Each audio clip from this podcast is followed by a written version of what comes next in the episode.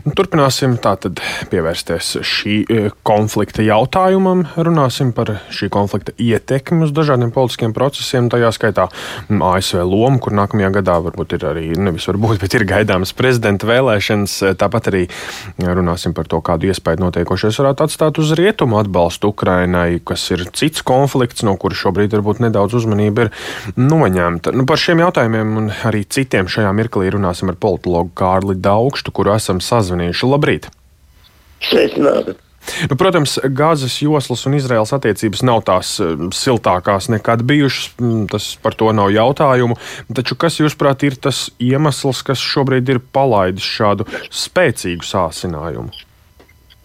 Nu, pēc manām domām, no pirmā drusku tas tomēr ir tā nežēlība, ar kādu e, kaujinieki, Hamas kaujinieki vērsās pret mierīgajiem iedzīvotājiem, pret jaunatni, ar to teiksim, orientāciju iznīcināt ebreļus kā tautu, iznīcināt visus, kuri viņiem trāpās ceļā. Tas ir savs sašutumu visā pasaulē, un jo sevišķi šokējoši tas bija paši Izrēlā.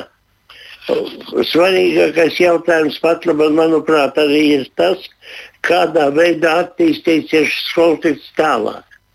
Nu, šeit ir vairākas līnijas. Pirmā līnija, protams, ka bez Irānas, protams, nekādas tādas darbības nebūtu bijušas iespējamas.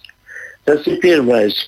Otrais, dažas ārzemju ziņas e, vēstīja, ka Irānā ir palicis tikai viena nedēļa, līdz viņa iegūst atomu kodola lādiņu. Tas radīja sašutumu vai satraukumu Amerikas Savienotajās valstīs, jo parasti Izraela ir pieņēmusi vienu lēmumu. Tiklīdz būs tuvu izveidot atomieroci Irāna, Izraela dot ko, ko, gaisa triecienus pa šīm iekārtām. Tas ir viens, un, protams, ka Džerardas Forda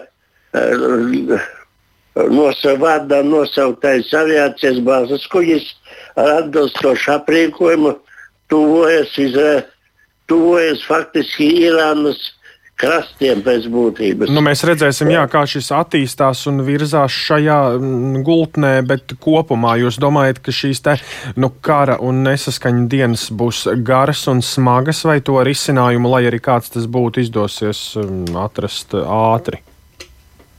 Nē, es domāju, ka tomēr tas nepaies ļoti ātri, jo Izrēlā ir viena problēma. Lai ieietu gāzes sektorā, viņai ir jāiznīcina ļoti daudz civilu iedzīvotāju. Jo Hamas kaujinieki pa šiem gadiem ir izrekuši milzīgus tuneļus, tuneļu veselu sistēmu gāzes sektorā un tur cietīs civili iedzīvotāji. Civili iedzīvotāji ciešanas izsauks pasaulē protestus, bet jau pēc pret Izraēlu.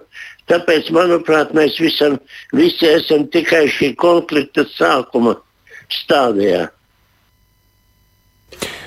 Eh, kā jums šķiet, eh, cik plašs eh, šis konflikts varētu izvērsties? Ir jau zināms, ka satricinājums izmantojas arī Libānā bazētais grupējums Hezbollah.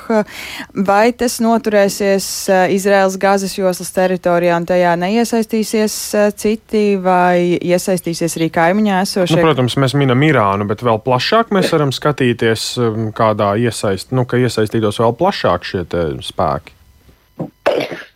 Redziet, Hezbollah tomēr ir tieši Irānas karaspēka veidojums. Tad ir 50 tūkstoši karavīru, viņi atrodas Libānā un no Libānas dod triecienus pa Izraēlas teritoriju. Vada šo teritoriju, vada šo vienību Hezbollah ar ļoti nepatīkamu tādu uzvārdu Nasrallah. Un viņa galvenais uzdevums un galvenais ir iznīcināt Izraēlas valsti. Viņi ir ļoti kaujinieciski, bet viņiem pat labi ir problēma ar to, ka viņus attur tomēr no tieša uzbrukuma Izraēlai. un atturēt nevis pati Izraela, bet manuprāt, ka to sāk atturēt arī Irāna kaut kādā ziņā, nomierinot vai arī piesolot kaut kādu darbību. Tad, taču tas Izraēlas ziemeļiem ir ļoti bīstams uh, fronte, bīstama frontes līnija. Jo tā būtu divas frontes, kuras ielemtu pēc būtības Izraēlas teritoriju un radītu zaudējumus gan armijai, gan civiliedzīvotājiem.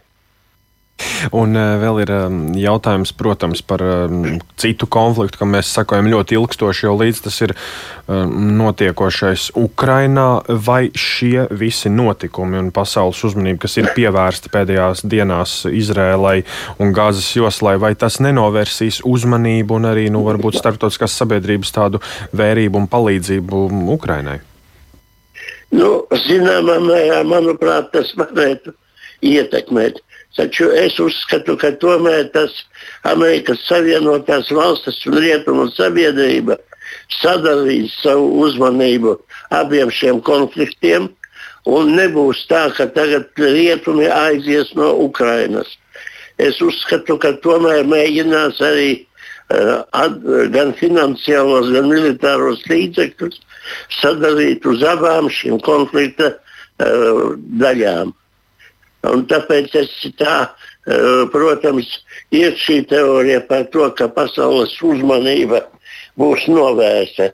Bet novērsta viņa būs varbūt nedaudz masu mēdījos, jo emocionāli ziņojumi no Izraēlas viņi rada tādu satraukuma situāciju pasaulē. Ukrainais, Ukrainas notikumi ir it kā jau tā sakot pierasti vai viņi ir sagaidāmi.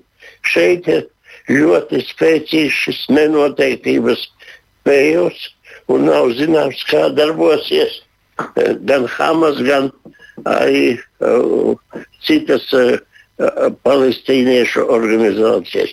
Nav un kā jūs komentētu ASV lomu šī konflikta risināšanā un arī to, kā ASV darbības varētu ietekmēt to, kas viņiem pašiem priekšā vēlēšanas nākamajā gadā, jo tagad ir jāatbalsta ne tikai Ukraina, bet arī Izraela. Tas nozīmē sūtīt ļoti daudz resursus ārpus savas valsts, vai šāda izvēle var arī radīt kaut kādu šķelšanos ASV sabiedrībā? Nu, manuprāt, ka šķelšanās Amerikas sabiedrībā jau ir notikusi. Un šī šķelšanās ir diezgan dziļa. Taču, manuprāt, gan kongresā, gan pārstāvu palātā tomēr ir pilnīgs tāds konsensus par to, ka neskatoties uz partiju pretrunām, Amerikas Savienotajām valstīm ir jāpilda savi solījumi, jāpilda iepriekšējie administrācijas lēmumi par finansiālo atbalstu Ukrainai. Pie tam runa iet gandrīz par 100 miljārdiem dolāru. Un tai pašā laikā steidzīgi jāpiegādā nu, līdz pat ložmetēju, eh, ložmetēju lodēm Izrēlai. Un Izrēlā jāatceras, ka ir Amerikas Savienoto valstu militārās noliktavas, kuras ir jāatver un jāsāk apgādāt Izraēlas armijā. Kā tas tika veikts, to ir grūti, grūti kom komentēt un grūti prognozēt. Taču, manuprāt, Izraela ir viens no tiem punktiem, ko Amerikas Savienotās valstis pirms vēlēšanām nekādi nevar atstāt novārtā. Nu, jūs arī jau vairāk kārt minat to, ka ir grūti prognozēt. Tam noteikti nevar nepiekrist. Viss šis, viss šī situācija daudz lielā mērā, protams, ir jāskatās un jāvērtē, kad tā notiek. To grūti uz priekšu paredzēt. Paldies jums par mēģinājumiem un centieniem to tomēr darīt. Teiksim paldies politologam Kārlim Daugštam.